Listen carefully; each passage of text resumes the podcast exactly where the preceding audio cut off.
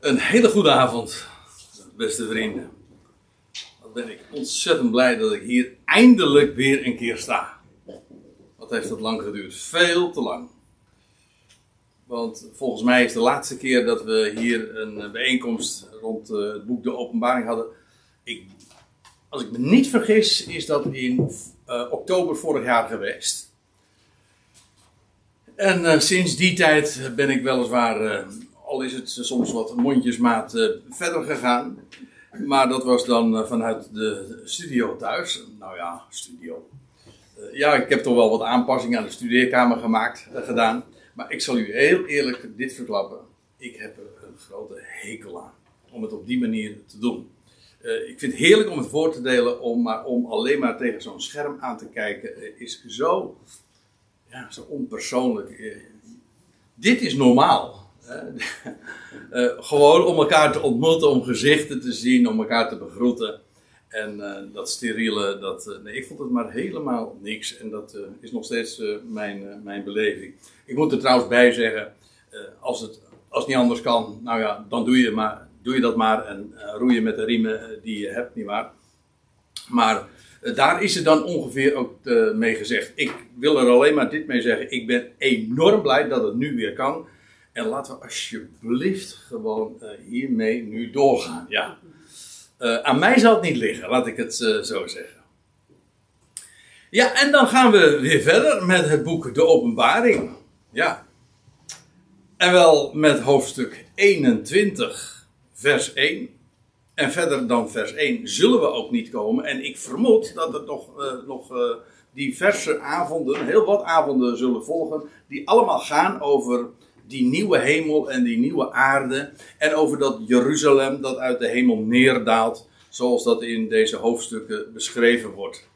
En eh, ik sta eigenlijk ook daarin te popelen om dat te vertellen. Ik heb deze studie al een keertje eerder opgenomen. Dat was in, uh, in juni. En toen heb ik het thuis gedaan.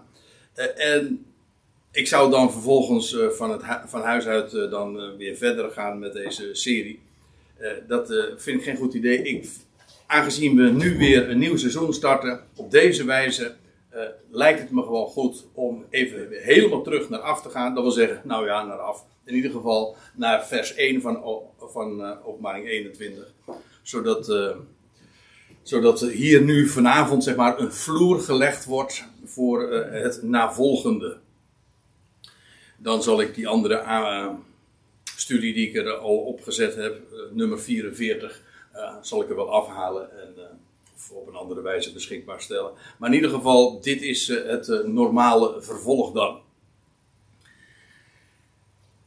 En ja, we hebben het over de openbaring van Jezus Christus.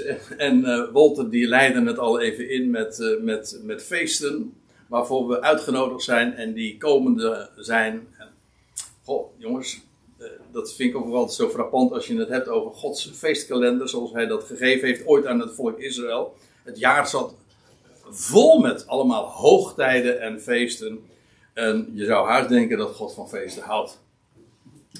En uh, er staat ergens in het boek Spreuken, makkelijk te onthouden, hoofdstuk 15, vers 15, voor de blijmoedigen is het altijd feest. Ja, maar uh, als we het hebben over de openbaring van Jezus Christus, ja, dat is natuurlijk uh, ons ge geweldige, grootse uitzicht dat we hebben. Christus Jezus, die nu verborgen is, gaat openbaar worden. En dat is niet één moment, maar dat is een fenomeen. En dat is een fenomeen dat zich in fases gaat voltrekken. Nou, en dat is waar het boek Openbaring over gaat. En alleen al de titel van het boek laat zien dat waar het over gaat, de inhoud, in de toekomst ligt. Namelijk in de openbaring van Jezus Christus. En dat geldt ook al, maar daar hebben we het ooit in, ik zou haast zeggen, grijs verleden over gehad. Uh, wat enigszins overdreven is, maar toen we het hadden over openbaring 2 en 3, over die zeven ecclesia's die aangeschreven worden. Want dat zijn inderdaad zeven ecclesia's in die tijd van de openbaring. Laat ik, eh, voordat ik nu ga naar hoofdstuk 21, vers 1, eerst nog eens even wat, wat recapituleren. gewoon wat dingen nog op een rijtje zetten. Want eh, dat is me van verschillende kanten ook verzocht. Het lijkt me, leek mij op, gewoon op persoonlijke titel al een heel goed idee om even een paar dingen samen te vatten. Maar ook eh, omdat ik het verzoek kreeg eh, dat, aangezien het boek Openbaring, dat, dat staat zo boordevol met allemaal gegevens en dingen die dikwijls ook onbekend zijn en dat je, eh, dat je heel gemakkelijk daarin de draad kwijtraakt. En daarom lijkt het me heel nuttig om nog eens eventjes op, uh, op een rijtje te zetten, kortweg, wat uh, nou de, de lijn is in het boek. De simpele opeenvolging in openbaring. En wat je dan krijgt is, na de inleiding van de eerste vijf hoofdstukken, krijg je dan twee synchrone series. En wat bedoel ik daarmee? Wel, dit dat hoofdstuk 6 tot en met 11 loopt synchroon met hoofdstuk 11 tot en met 19. En dat betekent dat de gebeurtenissen die hier beschreven worden, uh, ook verhaald worden in deze serie. Of in ieder geval, het gaat over tijden die elkaar dus overlappen. Waarbij je dan dit krijgt dat in hoofdstuk 6 gaat het over de grote verdrukking. Vooral eigenlijk vanaf de tweede zegel. De eerste zegel is een, ander verhaal omdat het daar nog over vrede gaat. Over die ruiter op het witte paard, weet u wel. Maar in het algemeen, hoofdstuk 6, als de zegels van die boekrol geopend worden en het land weer, uh, de, de eigendomsakte van het land, want dat is die, wat die boekrol is, overhandigd wordt aan de enige rechthebber, namelijk aan het lammetje. Christus, die gaat het land Israël vrij kopen en ook opeisen. Dat is waar dat hoofdstuk 6 over gaat. Het beschrijft ook daarmee de grote verdrukking. En dan krijg je vanaf vers, uh, of van hoofdstuk 7 tot 11, dan gaat het over de tijd na de grote verdrukking. En wel dat Israël hersteld is inmiddels. Hier tussen deze twee uh, blokken, tussen de grote verdrukking en Israëls herstel, is dat ligt dat grote moment, namelijk van uh, de terugkeer van de Heer op de Olijfberg. Dat hij zijn voeten zal zetten op de berg die ten oosten van Jeruzalem ligt. En dan zal Israël verlost worden. Dat is waar hoofdstuk 7 over gaat. Dan worden ook uh, uit de, de, worden de twaalf stammen vanuit de hele wereld verzameld. Een grote schare die niemand tellen kan. Wordt gebracht in het land. Eigenlijk eerst in de woestijn. En via de woestijn zullen ze naar het land toe gaan. En uh, dan zal vervolgens ook een. Uh, eh, 12.000 uit elke stam worden geselecteerd, jonge mannen, om het evangelie van het koninkrijk in de wereld te gaan prediken. En in die tijd zullen ook de gerichten over de aarde gaan. En dat zijn de gerichten die beschreven worden als zeven bazuinen. En dat is dus die zeven bazuinen. Dit zijn in, in dit hoofdstuk 6 worden de, de zegels eh, beschreven. Na de zegels krijg je de bazuinen. En, en die bazuinen. Dan is Israël inmiddels hersteld. En dan gaat het evangelie van het koninkrijk gepredikt worden door Israël, of een selectie daaruit, uh, in de hele wereld.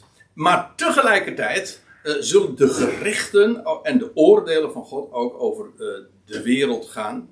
En nou ja, dat wordt dan in die hoofdstukken beschreven. In hoofdstuk 7 tot en met 11. En bij die zevende bazuin, ja, dan is alles voltooid. Dan lees je ook dat het koninkrijk gevestigd is over de hele wereld. Dus aan het einde van het zevende zegel is het koninkrijk gevestigd over Israël. En bij het einde van de zevende bezuin is het koninkrijk gevestigd over de hele wereld. Dus het koninkrijk breidt zich vanaf de troon in Jeruzalem uit over de hele aarde, over alle volkeren. Zodat uh, hoofdstuk 11 in feite in de praktijk dus eindigt bij de duizend jaren, het Messiaanse Rijk. Namelijk als de hele wereld onder het, uh, de heerschappij uh, gebracht is van de enige rechthebber, namelijk Israëls Messias, de zoon van David, die in Jeruzalem heerst. Dat is de lijn van hoofdstuk 6 tot en met 11. Dan krijg je vervolgens de serie, hoofdstuk 11 tot en met 19. En die beschrijft diezelfde lijn. Dat wil zeggen, hoofdstuk 11 tot en met 13 gaat over de grote verdrukking. Blijkt heel duidelijk, want in hoofdstuk 11 wordt gesproken over de twee getuigen. Die, gaan, die zullen prediken 1260 dagen. En hoofdstuk 12 gaat over die vrouw die vlucht, eh, gevlucht is in de woestijn en waar zij een plaats heeft gereserveerd door God zelf. 1260 dagen wordt ze daar onderhouden. Hoofdstuk 13 gaat over dat beest dat, uh, dat een schrikbewind zal voeren, juist ook in het land van Israël. En dat is diezelfde termijn, alleen wordt dat dan weer genoemd 42 maanden. Ja, waarom het ene geval dagen en het andere geval maanden? Of, of in het ene geval wordt de, de zon gelinkt en in het andere geval de maan. Oftewel de nacht of de duisternis. Dat is een verhaal apart, maar als ik het zo formuleer, heb ik eigenlijk al gezegd uh, hoe dat zit. Nou ja, hoe dan ook, we hebben het daar, trouwens uh, ooit wel uh, over gehad ook. maar dat is hoofdstuk 11 tot en met 13. En dan vanaf hoofdstuk 14 tot en met 19, ja, daar wordt dan ook Israëls herstel weer gesproken. Komen de 144.000 weer tevoorschijn, of in ieder geval die worden dan opnieuw weer ter sprake gebracht. Het koninkrijk wordt over de wereld gepredikt. En dan hoofdstuk 16 is, het, is die, uh, dat hoofdstuk over die zeven schalen die over de wereld gaan.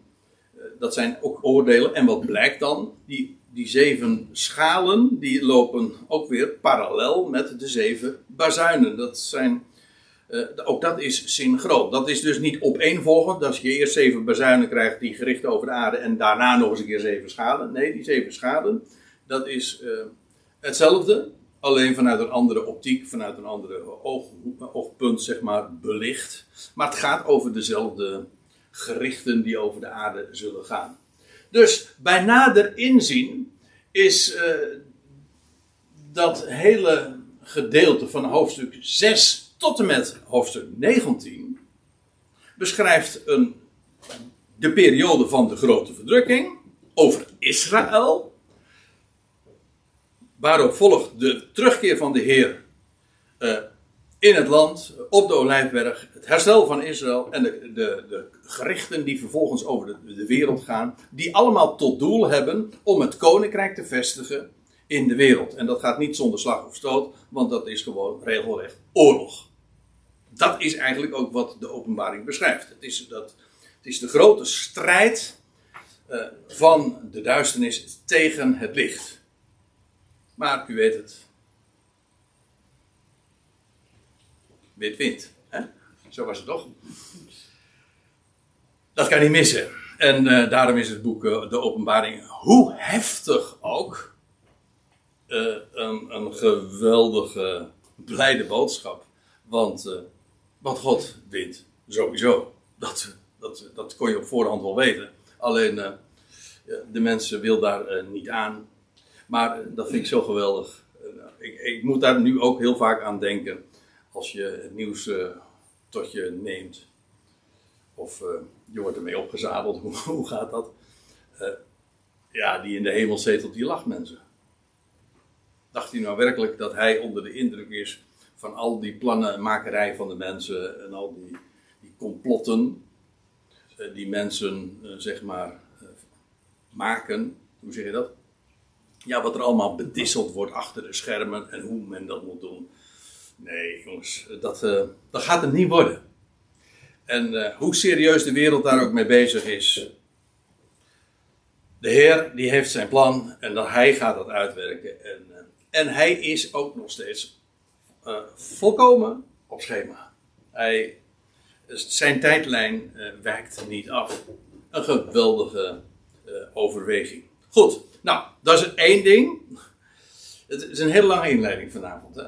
Want we zullen misschien pas in de pauze bij vers 1 van openbaring 21 beginnen. Maar ik wil dit echt eventjes nog heel duidelijk allemaal nog eens aan het begin van dit seizoen uh, onder, onder woorden brengen. Zodat het weer ons helder voor de geest staat. Goed, dan uh, nu, u ziet het, dit eindigt dan bij uh, hoofdstuk 19. En na hoofdstuk 19 krijg je, jawel, hoofdstuk 20. En dat is waar we ook een heel aantal keren uh, bijbelstudies over gehouden hebben. Nou ja, we, ik. en misschien hebt u het gevolgd, maar ja, dat was dus allemaal vanuit de studeerkamer. En hoofdstuk 20 van Openbaring, ja, dat, die, dat is vooral bekend vanwege de duizend jaren. En Walter die wees er zojuist al eventjes op dat uh, dat duurt nog wel even. Ja, nou ja, nee, zo zei hij het niet. de nieuwe hemel, nou, in ieder geval, ja, de nieuwe hemel, nieuwe aarde die daarna komen, ja, dat duurt dus nog wel even. Trouwens, die duizend jaren duren ook wel even hoor. Ja, ja om precies te zijn, duizend jaren heb ik uitgerekend. En maar goed, daar, daar, wat daaraan vooraf gaat, dat is inmiddels uh, duidelijk. Uh, die, wat er gemeten wordt die, bij die duizend jaren. Uh, want ik, nog eventjes terugkoppelend. als we het hebben over de duizend jaren, daar is altijd heel veel om te doen geweest. Maar dat is vooral een theologische kwestie. En in de, in de christelijke wereld iets zeer omstreden geweest. Want men dacht dat het koninkrijk door de kerk gevestigd moest worden. En toen de kerk eenmaal in de derde eeuw succes kreeg, en in feite uh, het Romeinse Rijk een christelijk rijk werd, zo ongeveer, oh, in de dagen van Constantijn de Grote, toen, is men de, eh, toen, toen vatte de gedachte post dat, de, dat het koninkrijk de duizend jaren al zouden zijn aangevangen. En dat, uh, dat zou dan al uh, het begin ergens van onze jaartelling geweest zijn in de eerste eeuwen. Dat was ook de reden waarom men dacht dat duizend jaar later de, het duizendjarige rijk afgelopen zou zijn. En toen kreeg je die kruistochten. Uh, dat had allemaal te maken. En toen moest men dus naar Jeruzalem ook reizen. En nou ja, reizen. dat waren geen reisjes naar Jeruzalem. Dat was dat waren complete veldslagen. Maar in ieder geval, in eerste instantie dacht men, ja, die duizend jaren eh, die toen zouden zijn aangevangen, die zouden dus ergens na duizend jaren aflopen. Als je eenmaal uitgaat van dat verkeerde, verkeerde beginpunt, is de gedachte aan zich logisch. Ja, want toen twijfelde men in ieder geval er nog niet aan dat de duizend jaren gewoon duizend jaren zouden betekenen. Dat vind ik ook niet zo'n gekke gedachte.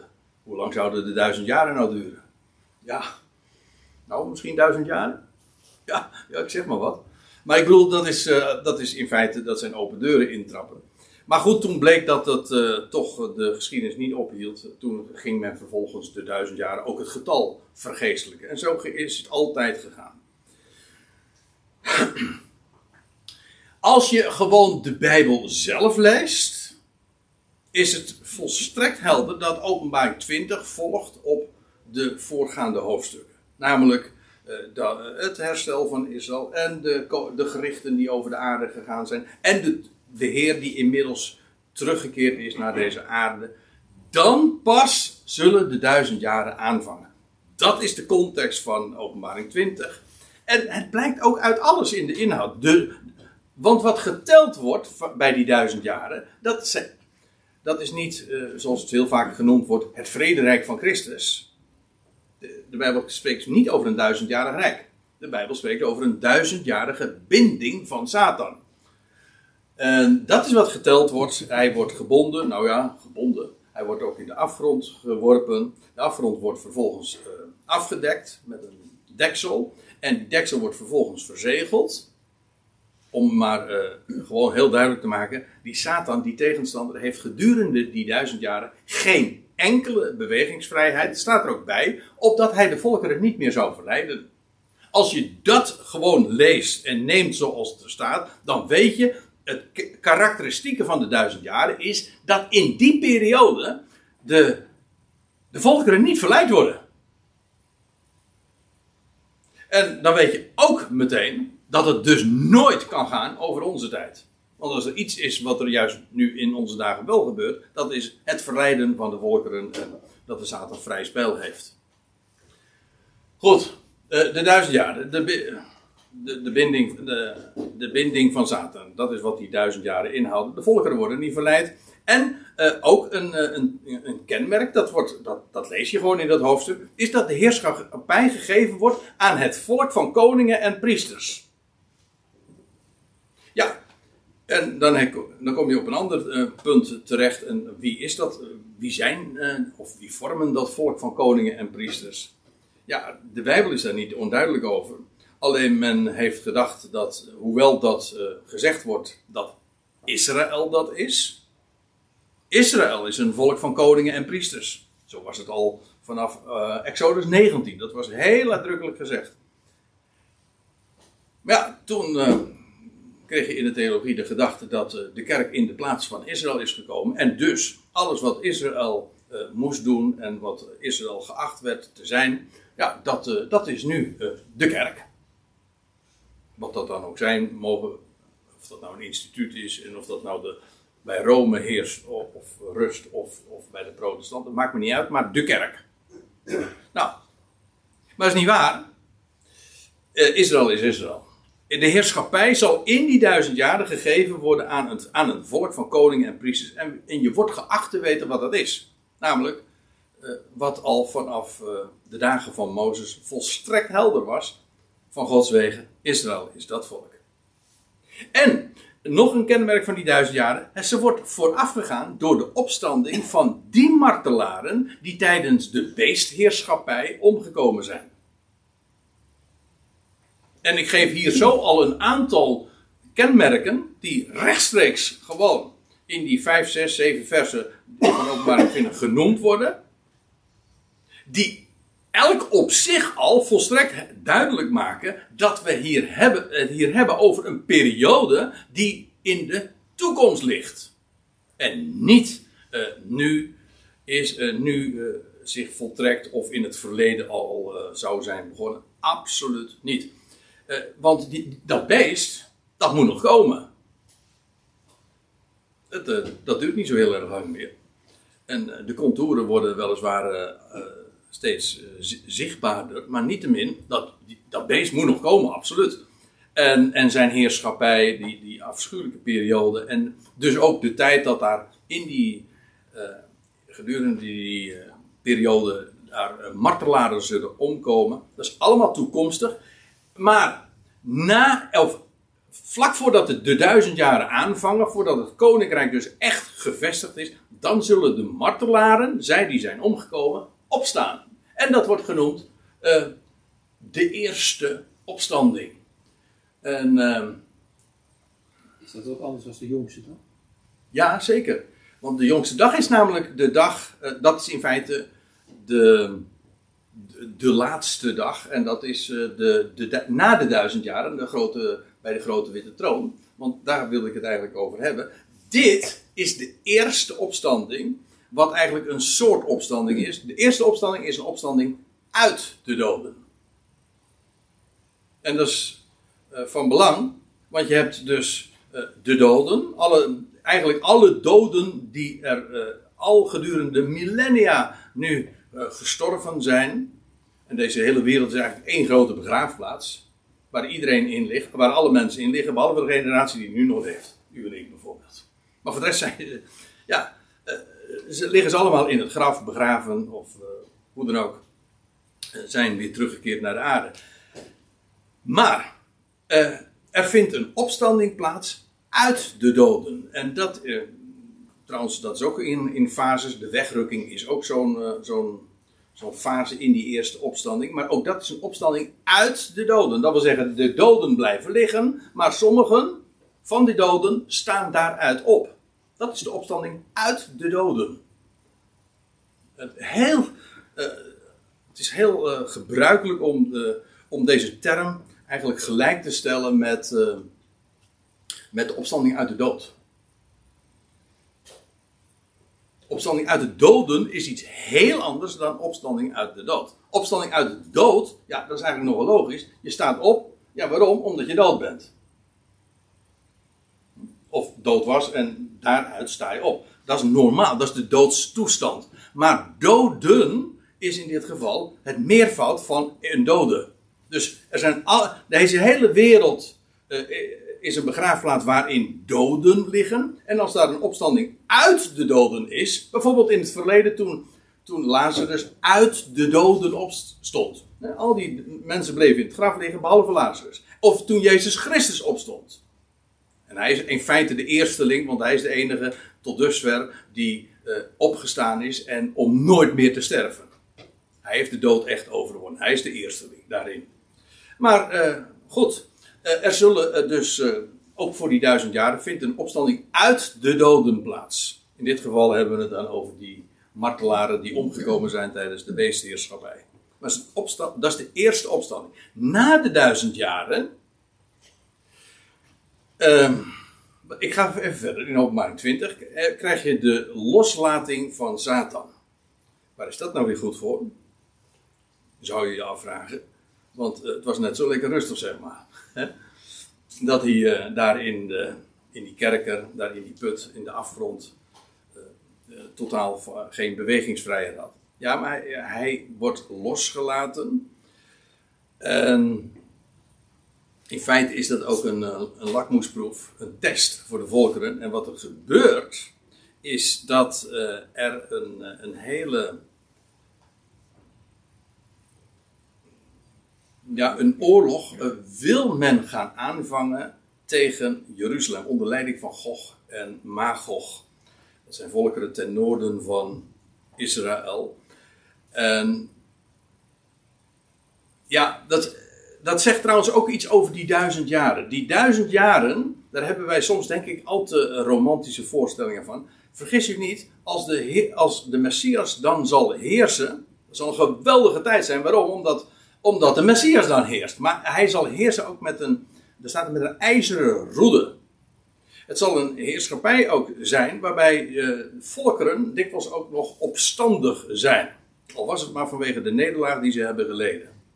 En gedurende de duizend jaren, het millennium, zal er met ijzeren hand geregeerd worden. Maar het betekent ook dat er nog wel degelijk veel rebellie is onder de natieën. En dat blijkt dan ook wel, want als Satan daadwerkelijk na de duizend jaren is losgelaten, dan zal onder leiding van Gog en Magog, die voor de duizend jaren uh, trouwens een grote nederlaag hebben geleden. En dat verklaart volgens mij meteen ook waarom ze na de duizend jaren de leiding voeren uh, vanwege die optocht, nee hoe zeg je dat nou, de, eh, de krijgstocht naar Jeruzalem. Ze, ze, de, volkeren worden eigenlijk uh, gemobiliseerd en gaan richting Jeruzalem. Maar het wordt geen oorlog hoor.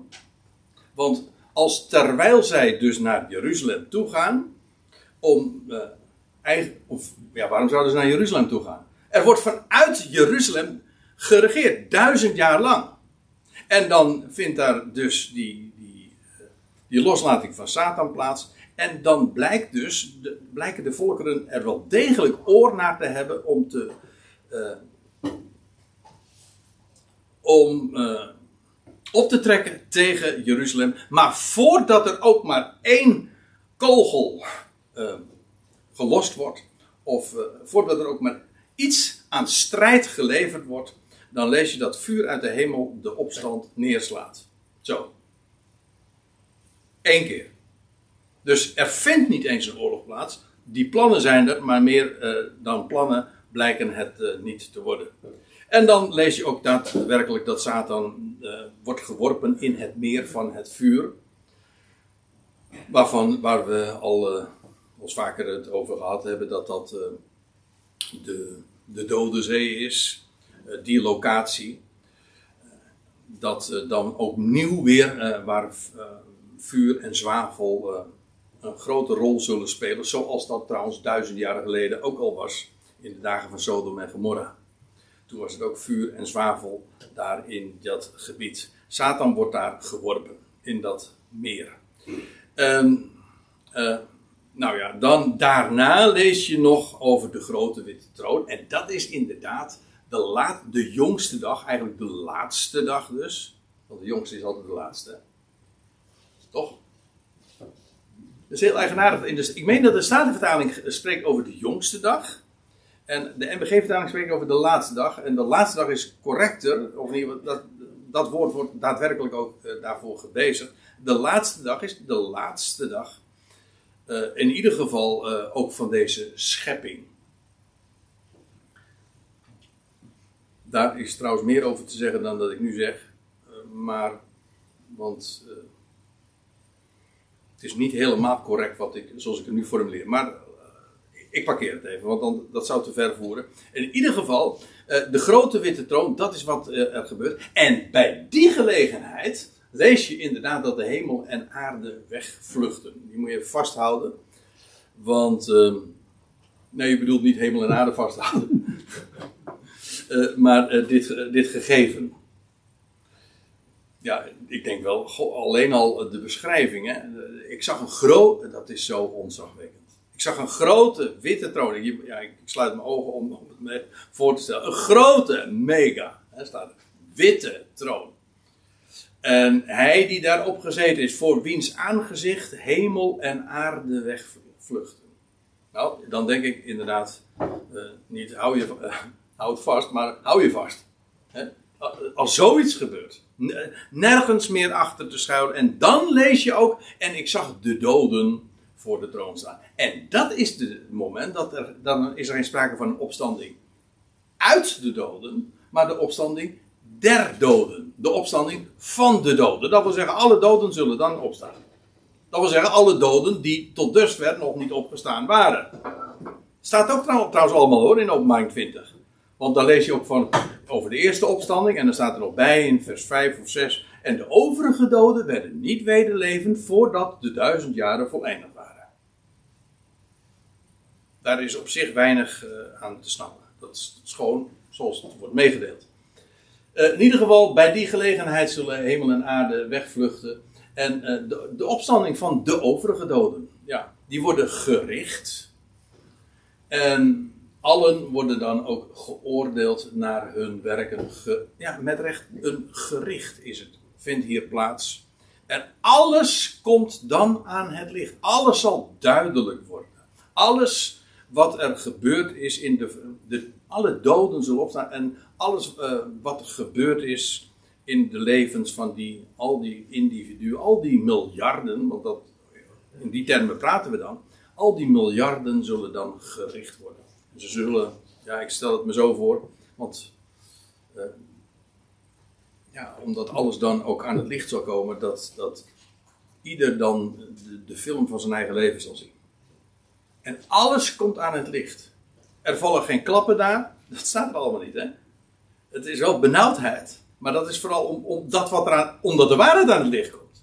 Maar dat kan benauwd zijn.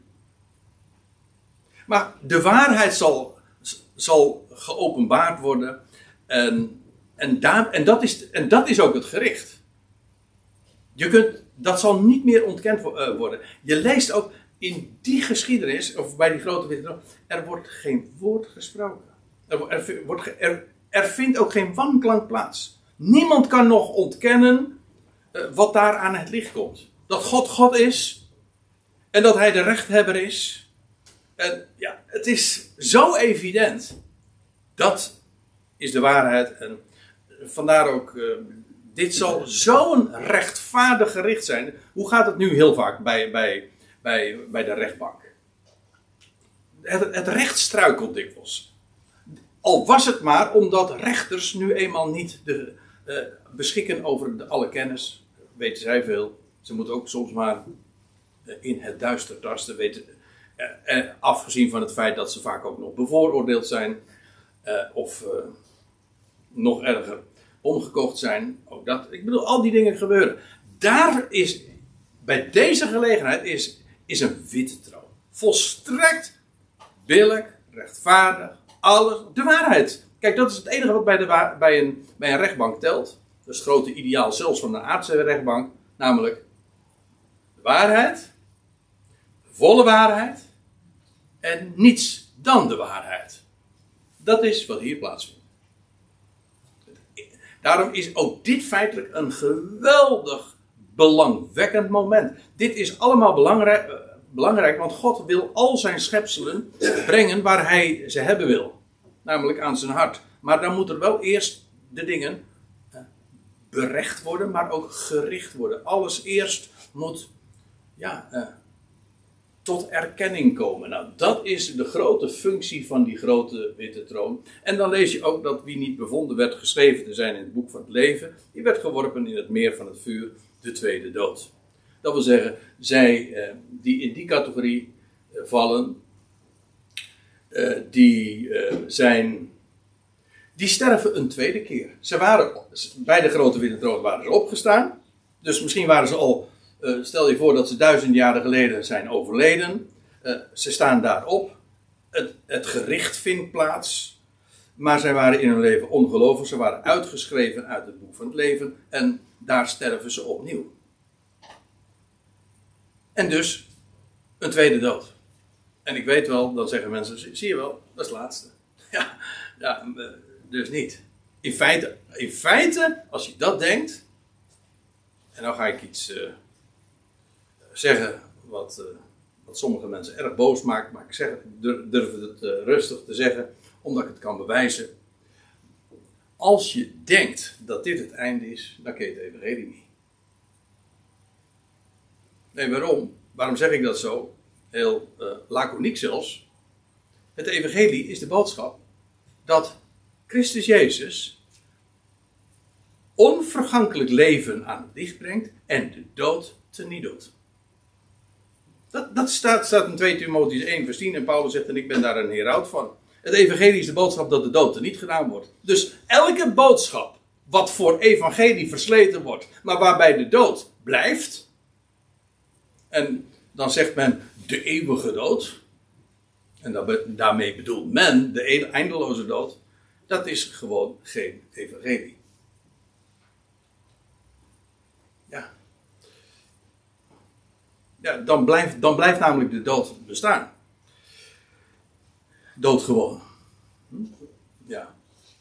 Nee, maar eh, dit is zo essentieel. In ieder geval, dit is niet het laatste. In feite, wat hier gebeurt is. eh, er, eh, mensen sterven voor een tweede keer, komen opnieuw weer in de toestand van de dood terecht. En zijn zich van niets bewust. En dat betekent dat er nog een aion te gaan is. Of in ieder geval, er moet nog een nieuwe fase komen. Want er komt een moment dat de dood daadwerkelijk teniet gedaan wordt. En wat ik u nu ga vertellen, is eh, dat dat beschreven wordt in hoofdstuk 21 en 22. Dat is de aion waarin de dood teniet gedaan wordt. En wel de laatste aion. En eh, nou ja, vanavond eh, maken we dus eh, de start van, van de bespreking mee. En daar is Walter, die memoreerde het zojuist al eventjes in de, in de inleiding, dat dit eigenlijk niet zo'n bekend onderwerp is. En ja, dat klopt. Dat, ik, ik, ik heb dezelfde vaststelling gedaan. En er, er wordt ook zo eh, veel over deze hoofdstukken, eh, wordt allemaal een beetje weggeredeneerd. Eh, en daarmee bedoel ik ook, men, men noemt dat dan vergeestelijkt. En dat, als je zegt vergeestelijk, dan denk je van, oh, dat is een hele geestelijke activiteit. Nou, in werkelijkheid is het gewoon heel ongelovig. Want vergeestelijk bedoelt men van, ja, dat staat er wel, maar God, zegt dat wel, maar hij bedoelt wat anders. Dat heet vergeestelijk. Nou, ik vind het helemaal niet geestelijk. Geestelijk is juist wanneer je, wanneer oor krijgt voor, en, of voor mijn part oog krijgt voor, dat wat God gesproken heeft. En dat gewoon neemt zoals het staat. Eh, ik, ik, ik kan nu al gaan zeggen, als we het deze komende avonden over dit onderwerp gaan hebben, inderdaad erg onbekend, zullen we nog hele verrassende ontdekkingen gaan doen. Eh, dat weet ik absoluut zeker. Eh, zo is het mijzelf namelijk ook vergaan. Dingen die ik eigenlijk never, nooit voor mogelijk gehouden had. Dit is eh, heel, heel intrigerend. Oké, over welk vers hebben we het dan? Nou, dit woord, er staat. En straks ga ik het in stukjes knippen en dan gaan we het nog wat nader bezien. En, maar eerst dit. En ik nam waar een nieuwe hemel en een nieuwe aarde. Want de eerste hemel en de eerste aarde gingen voorbij. En de zee is niet meer. Wat voor een katwijker als ik natuurlijk een, eh, wel even slikken is. ja, is het dan nog steeds Katwijk aan zee? Of eh, staan er dan bordjes van dit was Katwijk aan zee? Ja, je hoort tegenwoordig ook van die dramatische verhalen over het klimaat. Dat we over een, aantal decennia, dan wordt het Nijmegen aan zee of zo. Nou ja, eh, hoe dan ook. eh, in dit geval, de zee is niet meer. Daar gaan we het ook nog over hebben. Maar dat zal waarschijnlijk niet meer vanavond zijn. Wat ik in ieder geval ook nog, ook nog wil vaststellen, is dat met dit vers een nieuwe aion aanvangt. En wel de laatste. En als je ze allemaal een rugnummertje geeft van eh, de, de vanaf de aanvang, dan is dit ion nummer 5. Ja, die moeten er zijn. Want de Bijbel spreekt over de ionen, de ionen die geweest zijn. Dat zijn er dus in ieder geval twee. De Bijbel spreekt over de huidige boze ion. Dat is één. Dat is dus in totaal drie. En de Bijbel spreekt over de toekomende ionen. Dus er komen er ook nog twee. Dan heb je er, dan heb je er sowieso al een handvol. Niet waar? En eh, dat, die telling klopt. Het is inderdaad, eh, God heeft de tijd, mijn tijden, hè, zeggen we dan, zijn, maar geldt ook van de wereldtijden zijn in zijn hand. Met recht, in zijn hand. Nou, laat ik daar dan ook nog even wat over mogen zeggen. Eh, over die ionen in vogelvlucht. Want, eh, ja, de laatste ion of de laatste wereld. Want in feite het woord ion, eh, dat zijn, een, een ion is een wereldtijdperk. Het woord ion blijkt parallel te lopen of ook feitelijk synchroon met een wereld. Met een kosmos. Eh, dat, eh, is een heel mooi bewijs voor. En wel in Efeze 2 vers 1, daar wordt gesproken over de ion van deze wereld. Dat blijkt dus dat deze wereld correspondeert met een ion. Of eigenlijk omgekeerd, de ion die nu gaande is, correspondeert met deze wereld. En dat blijkt ook dan wel, want de Bijbel spreekt ook over de toenmalige wereld van Noach. Toen is die trouwens ook begonnen. Die wereld is vergaan en vervolgens start er weer een nieuwe wereld. Iedere keer een wereldtijdperk dus. Oké, de ionen in vogelvlucht. Laten we eens eventjes noemen. De eerste ion, dat is de, de, de, de schepping der wereld. Een hele interessante vraag hoe lang die ion geduurd heeft. Daar gaan we het nu niet over hebben, maar dat is waarin. Ja, ik weet wel dat God dat verhaald heeft in, uh, in zes dagen. Nu zeg is ook omstreden, dat weet ik. Maar ik, uh, ik zeg het dan toch maar even. Hij heeft daar, uh, het is in, geboekstaafd in zes dagen, maar hoe lang die schepping geduurd heeft en hoe de, de totstandkoming van die wereld plaatsgevonden heeft. Uh, maar dat is een hele aion. Dat is een hele wereldtijdperk. Het zou me niet zelfs niet verbazen dat die aion net zo lang duurt als die laatste. Of misschien nog wel langer. Maar daarover straks ook nog meer. Dan krijg je vervolgens eigenlijk aanvangen dat deze eindigt bij Adam. En dan krijg je vervolgens, uh, eigenlijk moet ik zeggen, als, als Adam de hof verlaat met zijn vrouw, dan is deze, die eerste aion ten einde. En dan krijg je de, de, de wereld van de voortijd, of hij wordt ook genoemd de toenmalige wereld. En die wereld is ten onder gegaan na pakweg 1600 jaar in uh, de dagen van Noach, uh, in de grote vloed. Dat is de wereld van de voortijd. En dan de aion die wij zo goed kennen, omdat we daar mid, nou nee, ik zeg middenin zitten, dat is niet waar, want we zitten ongeveer aan het einde daarvan. Maar in ieder geval nerg, dat is wel zo. Deze aion, uh, waar die nu gaande is, de tegenwoordige boze aion, zoals die in Galaten 1 vers 4 genoemd wordt, dat is wel de aion die juist in de tijd van het einde het meest prominent zich zijn karakter toont. Namelijk in boosheid. Het is, aan de ene kant is het prachtig om, uh, om in, de, aan, aan, in de eindfase van een boze aion te leven. Aan de andere kant is het ook wel erg tricky en spannend, om niet te zeggen onaangenaam, uh, om dat te beleven. Want juist de boosheid en de leugenachtigheid en de kwaadheid ervan treedt juist aan het einde het meest uh, aan het licht. weet van uh, in Amerika, Martin Sender, die had zo'n zo'n zo'n van die t-shirts met de tekst op This Ian, de, deze Ion, This Ian is just not mine. Ja, zoiets hè? This is not my Ian. This is not my Ian, dat was het ja. ja. Zo van, ik voel mij hier niet thuis. en dat is, ja, ja, we zijn hier ook niet thuis. Dus. Maar ik heb, goed, ik heb goed nieuws.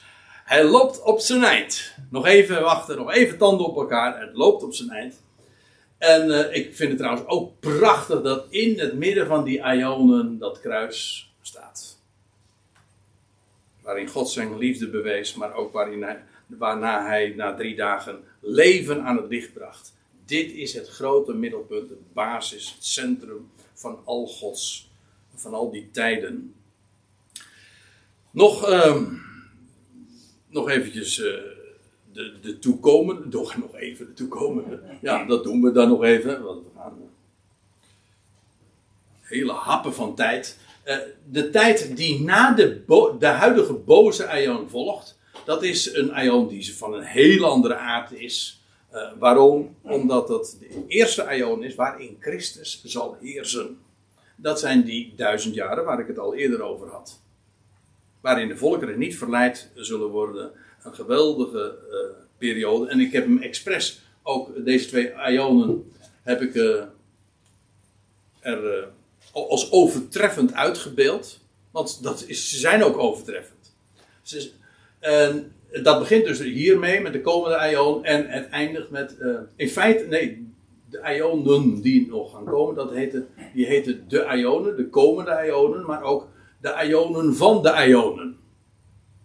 Je hebt, deze, je hebt de ionen en dit zijn de ionen van de ionen. Deze twee ionen overtreffen de ionen die tot dusver geweest zijn.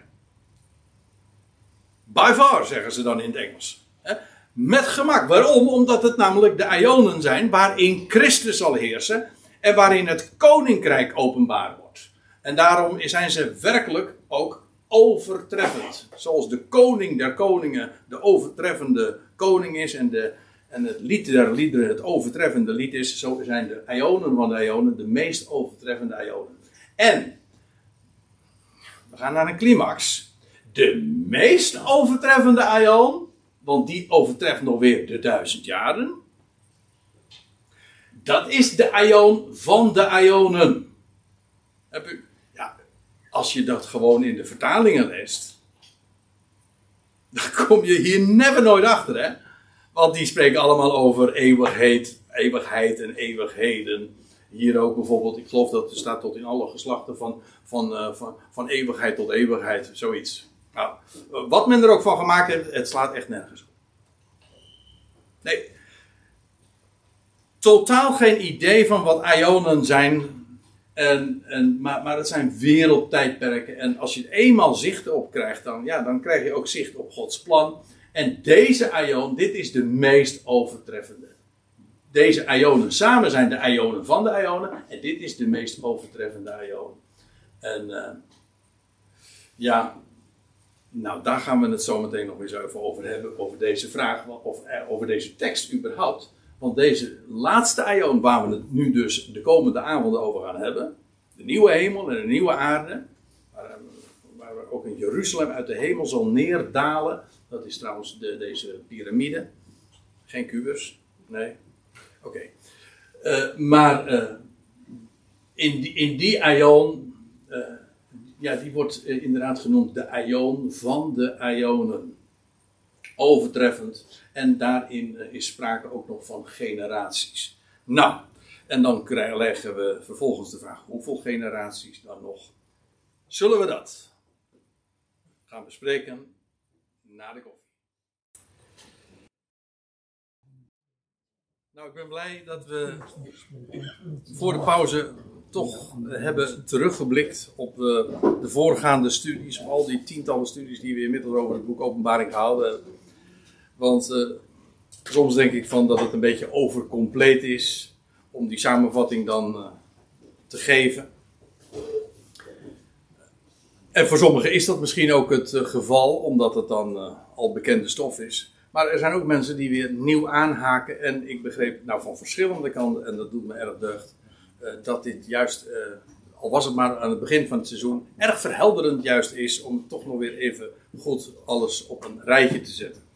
Dus ik denk dat dat eh, toch wel een eh, geslaagde initiatief is geweest. Goed, wij hadden het dus, en dat was het laatste deel van eh, voor de pauze, eh, over die aion van de ionen. Dat is die laatste, maar ook de meest overtreffende aion. Het is, dat is ook een overtreffende trap, een bekend, eh, ja, dat is eigenlijk een Hebraïsme die we in het Nederlands ook kennen. Het lied der liederen, de tocht der tochten en de aion der aionen. En dit is in dit geval, het eerste aion is dan enkelvoud. Dat hoeft niet, want je hebt ook de aionen van de aionen. Ook het, al die termen zijn in zichzelf logisch, redelijk, begrijpelijk. Dit, deze twee aionen zijn overtreffend ten opzichte van de voorgaande. Maar deze laatste aion i- overtreft weer alle vier voorgaande aionen, wereldtijdperken. Dus ook dat is een heel ter zake doend eh, begrip. Het is dus heel letterlijk. En eh, dat, ja, juist alleen dat al, eh, dat kenmerkt ook het woord van God. Het woord van God is logos, maar ook logisch. Goed, die term, de aion van de aionen, komen we maar één keer tegen. En wel in Efeze 3, vers 21. Een kleine variant eh, daarop vinden we nog in Hebreeën 1. Die laat ik nu even voor wat het is. En dat is eh, de aion van de aion. Ja. Dat, en dat betekent, het is de aion eh, van deze aion. Dat wil zeggen, die de, die aion, de voorgaande aion overtreft. Maar oké. Even deze term. De aion van de aionen. En dan wordt er, als je dat kijkt in, eh, in dat gebed dat Paulus daar optekent in Efeze 3, waarin hij zijn knieën buigt voor de Vader, naar wie alle geslacht in hemel en op aarde genoemd wordt. En dan eindigt dat in een lofprijzing en dan zegt hij, hem zij de heerlijkheid en in Christus Jezus en in de Ecclesia, tot in al de geslachten of generaties van de aion van de aionen. Dat betekent dus, als je die term neemt zoals ze zich aandient, dat in de aion van de aionen de generaties, de geslachten eh, voortgaan.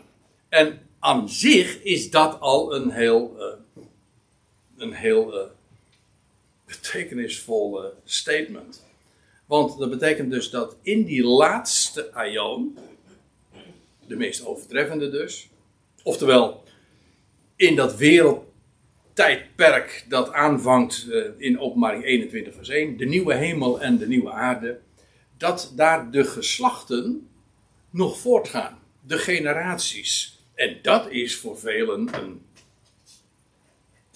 volstrekt nieuwe, en voor sommigen misschien op het eerste gezicht zelfs een onverteerbare gedachte. Hm? Gaan daar de generaties nog steeds door? In de duizend jaren? Oké. Maar ook in die laatste aion gaan de gen- generaties ook daar nog door? Nou, als ik Paulus moet geloven in Efeze 3 vers 21 wel. Tot in al de generaties van de aion van de aionen. Trouwens, in de studies die nu nog gaan komen, zullen we daarin alleen maar bevestigd worden. Ik zal daar ook nog vaak op wijzen. Dat eh, in die aion van de aionen er nog een proces gaande is. Wat daar het meest karakteristieke van die aion is dat dat eh, inderdaad overtreffend is. Een nieuwe hemel en een nieuwe aarde.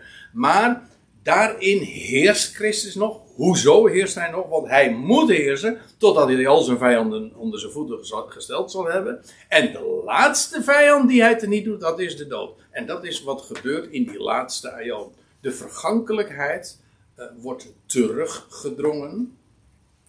En het leven gaat overwinnen. Vandaar ook dat, ik loop nu erg vooruit op de avonden die nog gaan komen. Maar vandaar ook dat het geboomte van het leven in die laatste aion ook zo'n grote rol nog speelt.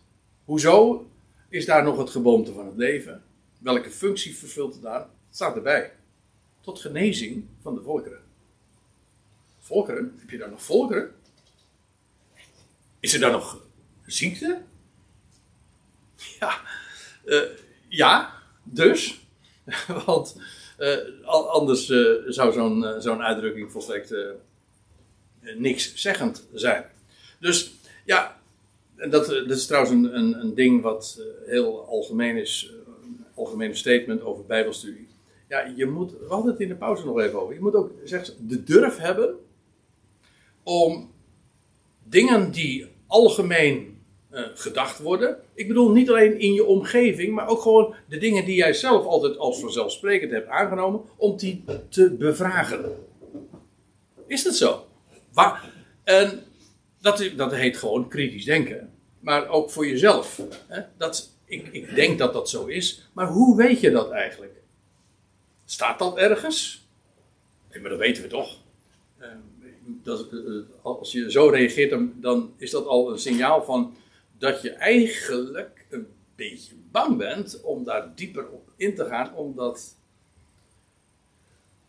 je geen argument kunt noemen. Ik bedoel, dit uh, altijd weer de vraag te stellen van, staat dat er ook echt? En dan moet je inderdaad vaak over zoveel hobbels heen van weerstand, misvattingen, gevestigde ideeën. En ik hou van de uitdrukking, en in de pauze memoreerden we het ook al even, maar ik zeg het nu nog een keer. Wie naar de bron wil, terug naar de bron wil, moet tegen de stroom inzwemmen. Dat kan niet anders. En dat is vereist energie. Dan moet je inderdaad. Uh, het makkelijkste is gewoon uh, om ja, om dat vanaf te drijven. Maar als je na, terug wil naar de schrift, dat betekent dat je soms ook allerlei, ook uh, generaties van, van bolwerken, zeg maar, die al zo lang, zeg maar, hun, hun, uh, hun gelijk tussen aanhalingstekens bewezen hebben, die al zo lang bestaan, denk je nou werkelijk dat je dat beter weet? Dat te bevragen, staat dat er echt? En is, er is maar één toetssteen en zegt de schrift dat. Nou, even terug naar de Efeze 3 vers 21. Die aion van de aionen, de laatste, de overtreffende aion, uh, daarin vinden nog steeds generatiewisselingen plaats. Voortplanting. Volgende geslachten. Waarna de volgende vraag is, en uh, dat was de laatste vraag die, uh, waar, waar, we, waar, waar, we mee afsloten voordat we gingen koffie drinken. Ja, hoeveel generaties zijn dat? Ik zou die vraag niet gesteld hebben als ik niet een hint zou hebben in de richting van het antwoord. 10.000. Oud Testament. 10.000. Ja? Nou, dan daag ik je uit. Waar staat dat? Waar staat dat, broeder? Ja, nee, maar ik, ik, ik, denk, ik denk dat ik weet waar jij op doelt. Ja, dus de, de, ja, dat is, het, uh, dat is het, uh, de, de, aardigheid. Uh, kijk, ja, als, je zou de, als je geen hint zou hebben, dan zou je zeggen: ja, goed, dat weten we de domweg niet. Dus het is niet zo zinvol om die vraag te stellen. Maar je leest in Psalm 105 dit. En degene die een Calvinistische achtergrond hebben, die. en ja, als ik zo om me heen kijk, dan zijn er toch diverse die die dat maar al te goed kennen, die weten wat er in Psalm 105 staat. Ik weet het zelf ook maar al te goed, want als er bij ons in de kerk destijds in Aalsmeer dan een, een, eh, een klein kind gedoopt werd, of besprenkeld, hoe je, het, hoe je maar hebben wil, en dan werd altijd Psalm 105, vers 5 gezongen. God zal zijn waarheid nimmer krenken, maar eeuwig zijn verbond gedenken. Help mij even. Hoe gaat die in de berijming verder? Het verbond met Abraham zijn vriend bevestigt hij van kind tot kind. Tot in, Abraham zijn vriend bevestigt hij van kind tot kind. Oh ja, zo was die. Ja. Ja, ja. Nou, dit is trouwens de, dit is de, de berijmde versie dan. Maar in ieder geval, dat is wat Psalm 105, uh, waar uh, Psalm 105 over spreekt. Over het verbond dat God gesloten heeft met Abraham door de generaties heen. Wat, weer trouwens, uh, wat trouwens ook weer een heel aardig voorbeeld is van hoe de kerk zich uh, Israël gewaand heeft. Want de belofte die God heeft gegeven en het teken van dat verbond, namelijk de besnijdenis, ja, dat heeft men allemaal overgezet op de kerk. In plaats van de Israël is de kerk gekomen en in plaats van de besnijdenis is de doop gekomen. Ja, dit, is, dit, is, dit verzin ik niet hoor. Dit zijn, dit zijn frases die gewoon uh, in, in, de, in de grote theologische, dogmatische werken zo genoemd worden. In de plaats van de doop. Zo staat het geloof ik ook in de doopvorming. In de plaats van de besnijdenis is de doop gekomen.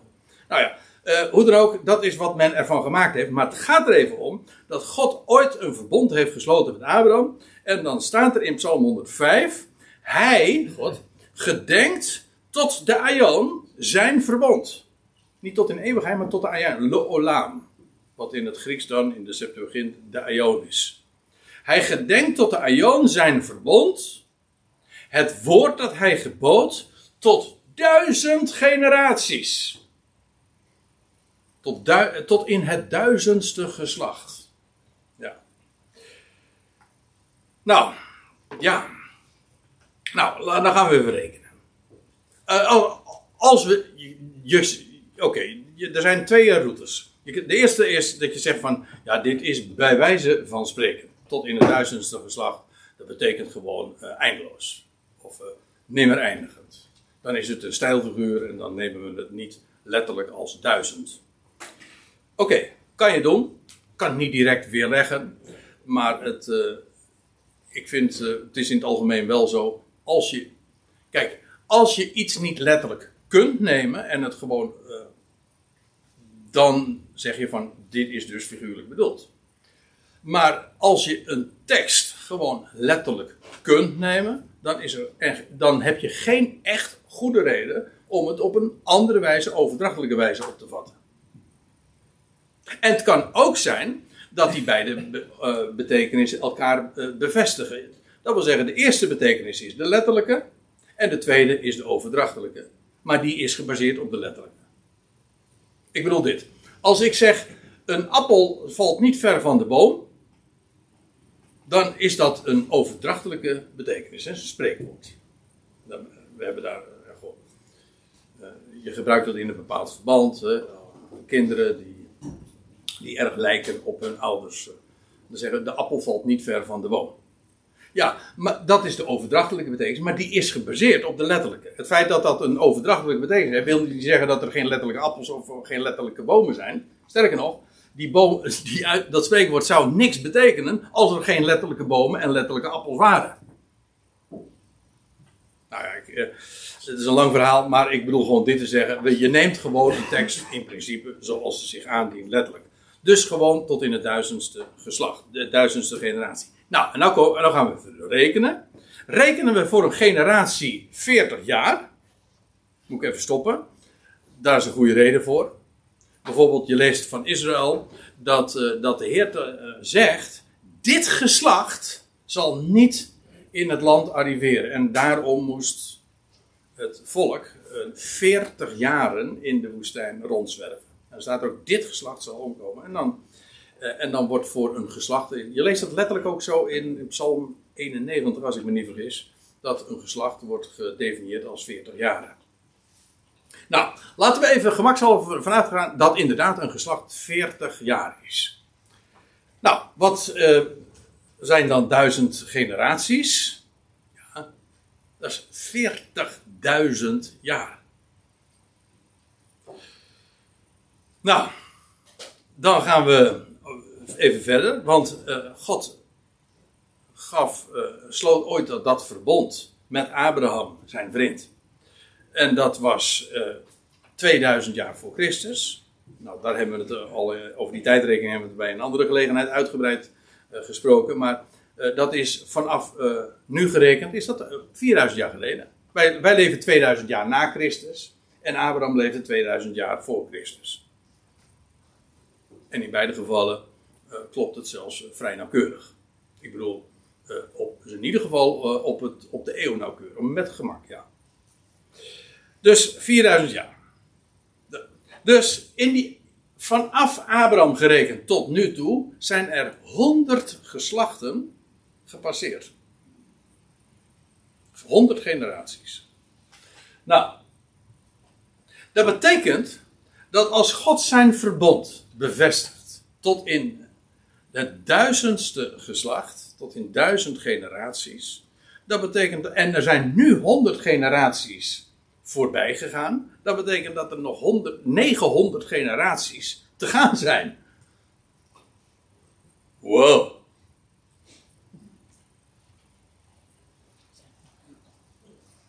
Ja, ik, ik wacht eventjes, want laat, laat, dit eventjes, uh, laat dit eventjes inzakken. Dat, nog 900 generaties. Nou, ik zal even het tijdlijntje neerzetten. Dus dan krijg je dus deze periode van Abraham tot nu, dat is 4000 jaar, dat zijn 100 generaties.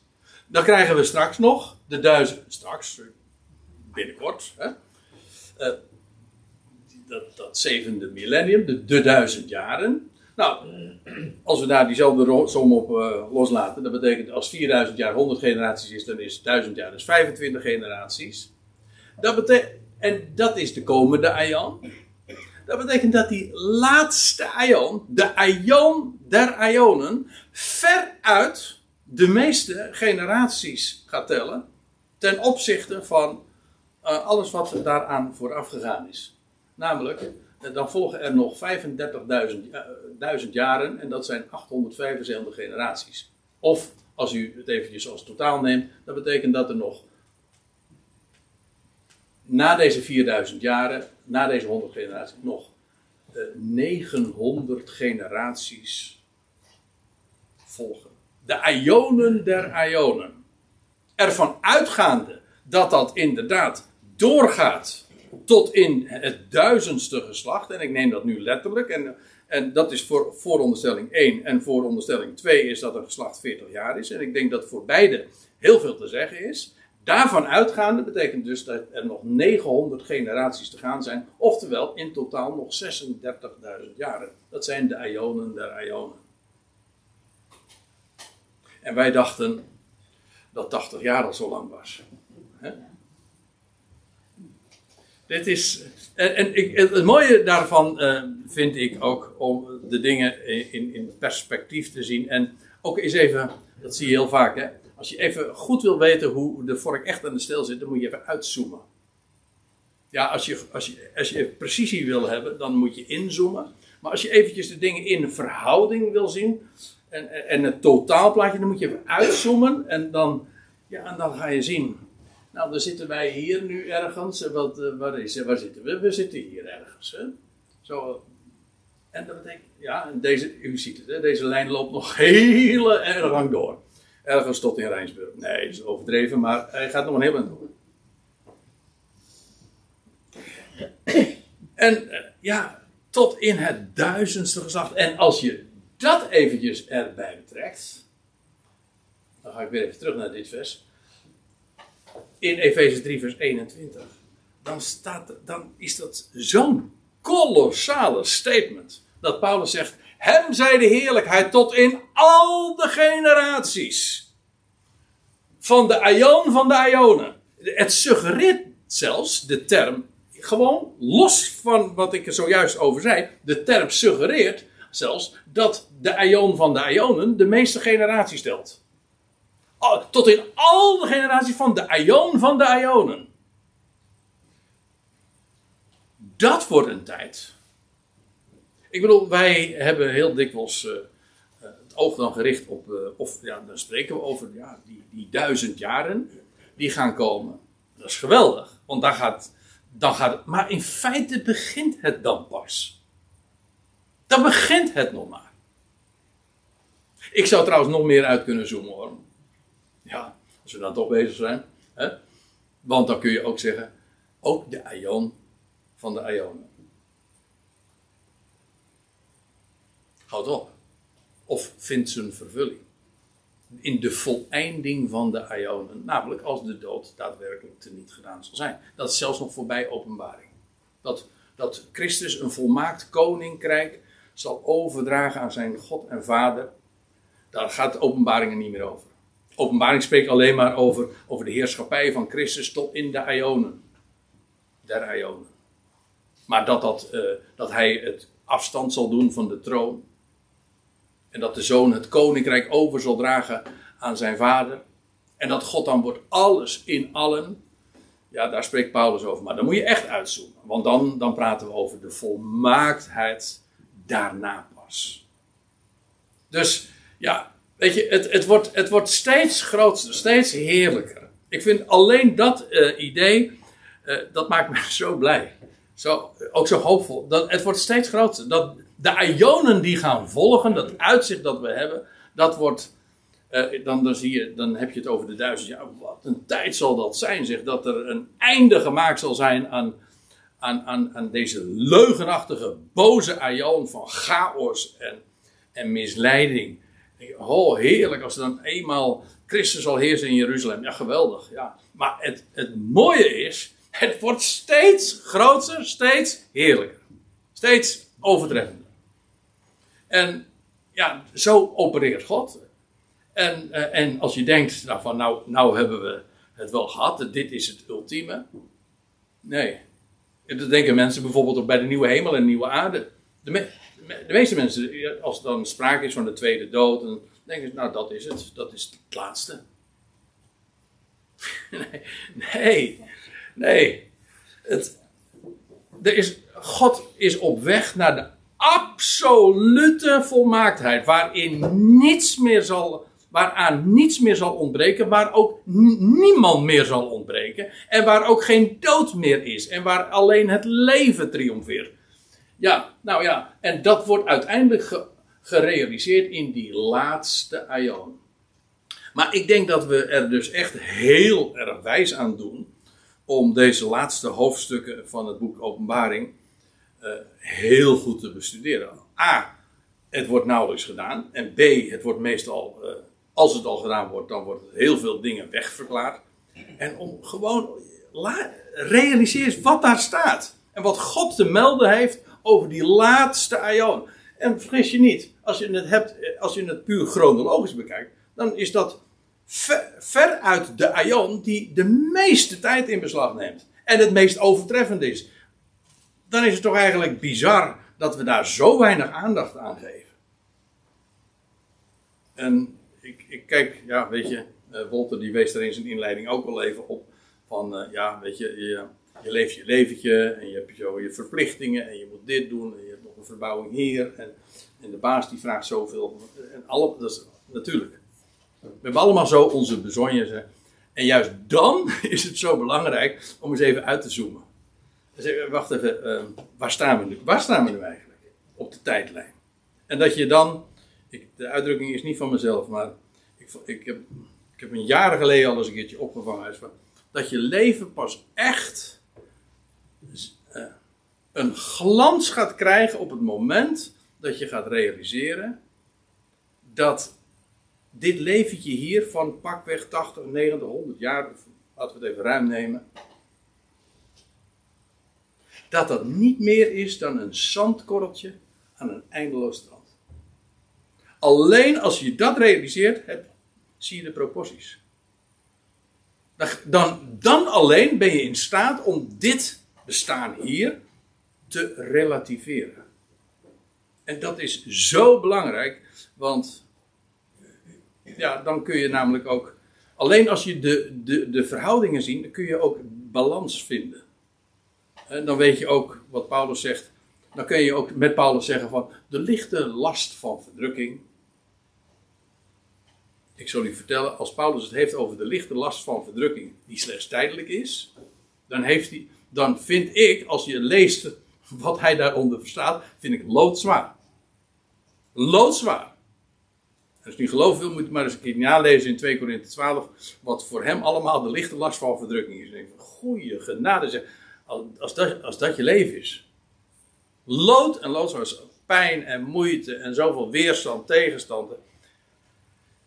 Ja, totdat je gaat zien, de, de hoe staat het, de, de overtreffende uh, last van heerlijkheid.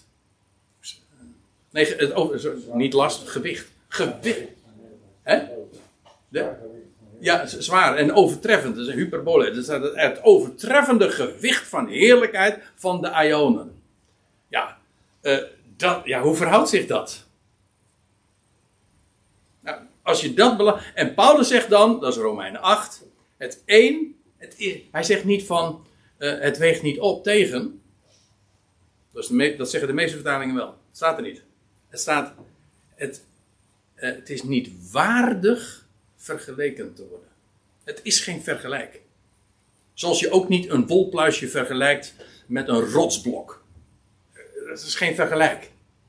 Nou, dat zijn de verhoudingen. En ja, dit is, dit is geen luchtfietsen. Dit is, dit is uitzoomen. Dit is gewoon de dingen in zijn verhouding zien. En zoals God dat beschrijft. En dan, dat is echt, ja, dat is de, de blik van boven. Dit is, en als je, eenmaal als je dat gaat verstaan. En ook echt gaat beseffen.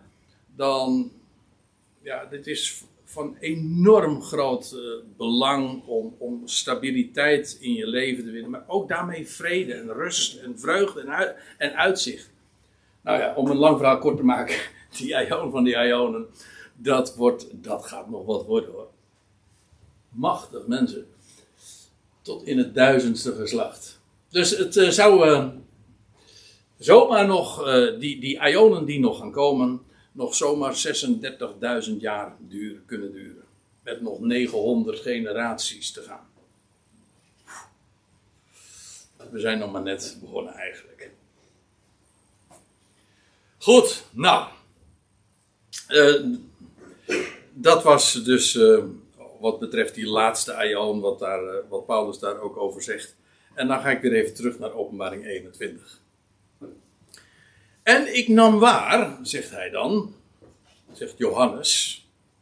Want ja, Johannes is een ooggetuige eh, van deze dingen geweest. Hij heeft de eerdere dingen gezien. Hij heeft gezien dat de, de, de, de, diabolos in de put geworpen werd. Hij heeft gezien van die grote witte troon. Hij neemt iedere keer waar. Hij zegt, ik nam waar een nieuwe hemel en een nieuwe aarde. En we hebben tot dusver in onze onderzoek in het boek Openbaring al zo vaak, honderden keren zelfs, al vastgesteld. Ja, dat staat hier nu in Openbaring. Maar eh, dat heeft Johannes niet zelf bedacht. Dit staat al opgetekend in de Hebreeuwse Bijbel. Dit was al voorzegd. Dit was, dit, hier was al veel eerder eh, sprake in, eh, in, nou ja, noem ze maar op. eh, er zijn heel veel profeten. We spreken dan over de twaalf kleine profeten, de grote profeten, zo- zoals Jezaja. Nou, wat ik nu wil zeggen is, als Johannes dit zegt, een nieuwe hemel en een nieuwe aarde, dan is dat geen term die hij nu nieuw introduceert. Nee, dit is een term die, waarbij hij refereert aan gewoon wat wij dan noemen het Oude Testament. En het staat tot twee keer toe zelfs in Jezaja. En daar gaan we dan eens naartoe. Want, waarom vind ik dat belangrijk? Als Johannes het boek Openbaring optekent, dan is dat een sluitstuk van de profetie. Ik bedoel, het is het laatste eh, onderdeel, of het laatste deel van de Bijbel en ook de bekroning daarvan. En zo sluit de profetie af. Maar het betekent dat het voortborduurt op en ook gebaseerd is op alles wat daaraan vooraf gegaan is. In feite is het zo dat je het boek Openbaring alleen maar kunt begrijpen als je het, de, het voorgaande van de profetie ook kent. Daar, daar borduurt Johannes voortdurend op, voort. En eh, ik, eh, ik, oh, ik, het viel mij vooral op toen ik eh, die, die hoofdstukken ook besprak vanuit mijn studeerkamertje over, over Babylon, openbaring 17 en 18. Dan staan er echt vele, tientallen verwijzingen naar met Jesaja, eh, Jeremia, Ezekiel, nou ja, noem maar op. Echt, het wemelt ervan. En juist toen ik het vers voor vers eh, besprak, toen eh, viel het me op. Dit is niet te geloven, joh. Alles wat er staat, dat is daarin tekent Johannes dingen op die direct verwijzen naar de Hebreeuwse profeet. En dat is ook nu niet anders. En waarom is dat van belang? Dat als we nu in openbaring 21 vers 1 lezen over dat Johannes een nieuwe hemel en een nieuwe aarde zag, dan worden we acht te weten wat een nieuwe hemel en een nieuwe aarde is, omdat het al veel eerder al was opgetekend in de Hebreeuwse Bijbel. En als je, dat, als je hier begint. En, eh, en, en, en alleen maar je kennis zeg maar, ontleent aan dit hoofdstuk. Ja, dan mis je dus eigenlijk eh, de basis. Waarop Johannes voortbouwt. En dus, eh, we moeten eerst weten, wat wist Johannes van de nieuwe hemel en de nieuwe aarde? Nou, nogmaals, eh, hij refereert aan Jesaja 66. Nee, ja, 65 en 66. We gaan naar Jesaja 65 toe. En dat is de eerste keer dat die term gebezigd wordt. En dit is alweer zo'n heel verrassend ding. Opnieuw weer. Want in Jesaja 65 lees je dit. Dat in vers 17 staat het volgende, en ik, eh, dit is een wat letterlijke weergave. U ziet hier de interlineair, u kent dat uh, gebruik inmiddels in deze studies. Daar staat dit, want zie, ik, zegt God, God wordt hier uh, als eerste persoon ingevoerd. Hij spreekt dus uh, bij monden van Jezaja. Want zie, ik schep nieuwe hemelen, meervoud trouwens, Shamaim, nieuwe hemelen en een nieuwe aarde. En aan de vroegere dingen zal niet meer worden herinnerd en zal niemand in het hart opkomen. En uh, ja, dit is dus de allereerste vermelding van de uitdrukking. En die moeten we even goed, uh, ons, ons goed van bewust zijn. En moeten we ook eens kijken wat hier dan over die nieuwe hemel en die nieuwe aarde in Jezaja 65 gezegd wordt. Overigens, uh, er staat hier, ik, het is toch wel goed om daar eventjes nog op te wijzen, dat deze tekst nog wel eens een keertje wordt aangehaald en als bewijs wordt aangevoerd dat uh, straks wij geen herinnering meer zullen hebben aan, uh, aan, aan, het verleden, aan wat in ons leven is gebeurd. Als je dat helemaal doortrekt, dan betekent dat dat je elkaar dus niet herkent. En als je het nog extremer doortrekt, dan herken je jezelf niet eens meer. Ik weet niet in hoeverre we daar nou. Dat, ja, dat betekent eigenlijk een fatale vorm van dementie hebben. Nee, dat zeg ik, dat bedoel ik eigenlijk helemaal niet. Terwijl ik het zeg, denk ik van dat klinkt grappig. Maar ik bedoel, ik bedoel het niet grappig, maar het betekent gewoon dat je dus helemaal niet meer weet wie je bent. En dat je dus ook de ander niet meer zou herkennen. Maar dat staat hier ook niet. Ik weet wel waarom men. Ik heb er, vroeger, ik vorig jaar een keertje een, een, Bijbelstudie, ook vanuit de studiekamer trouwens, uh, gegeven over. Uh, of er nog herinnering is. Want uh, ik, heb dat al zo vaak uh, die vraag gehoord van. Zullen we elkaar straks herkennen? En ik heb altijd die vraag zo vreemd gevonden. Zullen we elkaar nog herkennen? Ja, tuurlijk.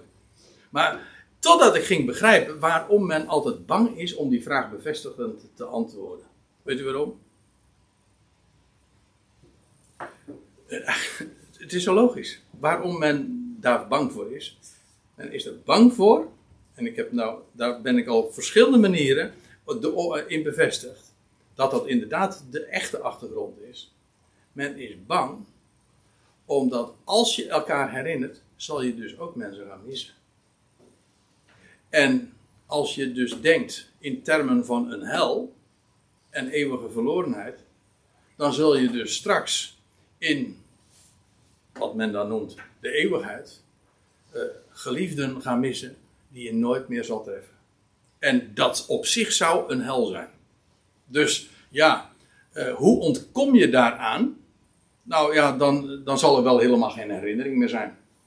En dat is maar goed ook, want ik zou dan, uh, als je echt dat idee hebt, stel je voor, je, je zou een geliefde missen. En die is dan in de foltering of in de hel, of noem het zoals je het noemen wil.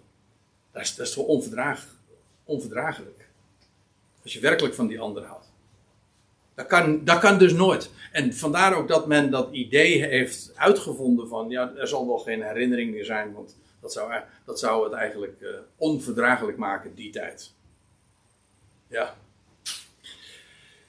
Maar het staat er ook niet hoor. Er staat aan de vroegere dingen zal niet meer worden, herin, zal niet meer worden herinnerd. Maar dat is iets heel anders. Dat betekent gewoon, ja, uh, dat is uh, wat uh, in Johannes-evangelie vergeleken wordt met een vrouw die in barensnood is. En als er dan eenmaal het kind geboren is, dan staat, dan, staat er ergens in Johannes 15, nee 16, staat er, en dan denkt ze niet meer aan de pijn die eraan vooraf gegaan is. Weet ze dat dan niet meer? Nee, maar het het is overstemd, overroeld door de vreugde van waar de pijn toe geleid heeft. En dan, dan denk je niet meer aan alles moeite en smart die uh, daaraan vooraf gegaan is. Niet omdat je, omdat de, omdat je die uh, herinnering gedelete is of zoiets. Nee, uh, het is overstemd door de, het verdriet is overstemd door de vreugde. Vandaar ook aan de vroegere dingen zal niet meer gedacht worden. Dat is juist ook wat die laatste aion zo overtreffend is. Het zal niemand meer in het hart opkomen. Er is zoveel groter, grotere dingen. Ja, en ik kijk nu even op het klokje. Ik zie dat het inmiddels tien uur is. En wij hebben geen ionen meer te gaan hier met de Bijbelstudie. Dus uh, ik denk dat ik nu toch maar een punt ga zetten. Uh, dat betekent dus dat we de volgende keer hier verder gaan. Over die nieuwe hemel en de nieuwe aarde. En ik hoop dat dit, uh, of wellicht dat dit nu ook een, een mooie, hoe noemen ze dat? Een cliffhanger is, ja, voor de volgende keer. Want nu wil u natuurlijk weten waarom dit zo betekenisvol is. Uh, in de hele uitleg. Ja, echt. Jesaja 65. Ga, dat ga ik de volgende keer eens, uh, vertellen. Jesaja 65 is van elementair belang om die laatste aion überhaupt te kunnen begrijpen. Nou, daar laat ik het dan maar bij. En trouwens, uh, nog, nog even één ding, maar dat is even van huishoudelijke aard wellicht uh, gezien op de website. We gaan deze studies voortzetten niet in een, in een driewekelijks, maar in een maandelijks ritme. Elke derde donderdag van de maand. Je, hebt ook, je kan de derde dinsdag nemen, maar dat laten wij aan de regering over. Nee, de, elke derde donderdag van de maand. Deo Volente uiteraard. En dat betekent dat we in oktober ik weet niet wanneer. Maar in ieder geval, kijk maar even na op in de agenda. Dan, uh, dan, hopen we elkaar weer te treffen. Zullen we nu voor nu de, de Bijbelstudie afsluiten en deze avond afronden? Machtig God en Vader, we willen u heel hartelijk dank zeggen. Dat we hier vanavond bij elkaar mochten zijn. En over zulke onvoorstelbare grootse dingen mochten nadenken over dat plan van u. En over dat overtreffende werk wat u in de tijden uitwerkt. En die overtreffende heerlijkheid die gaat komen. Heer, we hebben er geen idee van. Echt geen idee. En we, we bekennen het. En daarom is het zo belangrijk, niet alleen maar om te weten wat er staat geschreven, maar ook om diep besef daarvan te krijgen dat het waar is wat uw woord zegt en dat we daar vrede en rust in kunnen vinden. Heer, we danken u dat uw weg de beste is. Altijd. Zonder uitzondering. En dat we daarin ook werkelijk de vrede Gods uh, in mogen beleven, die alle verstand te boven gaat. Heer, we dragen elkaar zo bij u op. We danken u voor dit samen zijn, voor de ontmoeting. Dat het zo heerlijk is om elkaar gewoon weer van aangezicht tot aangezicht te zien en handen te schudden en elkaar werkelijk zo te treffen. Het is heerlijk om elkaar te ontmoeten. En we danken u voor dat voorrecht. En zo, in vertrouwen dragen we alles bij u op. En we danken u dat we geheel voor uw rekening zijn. In de naam van Hem die ooit de dood overwon.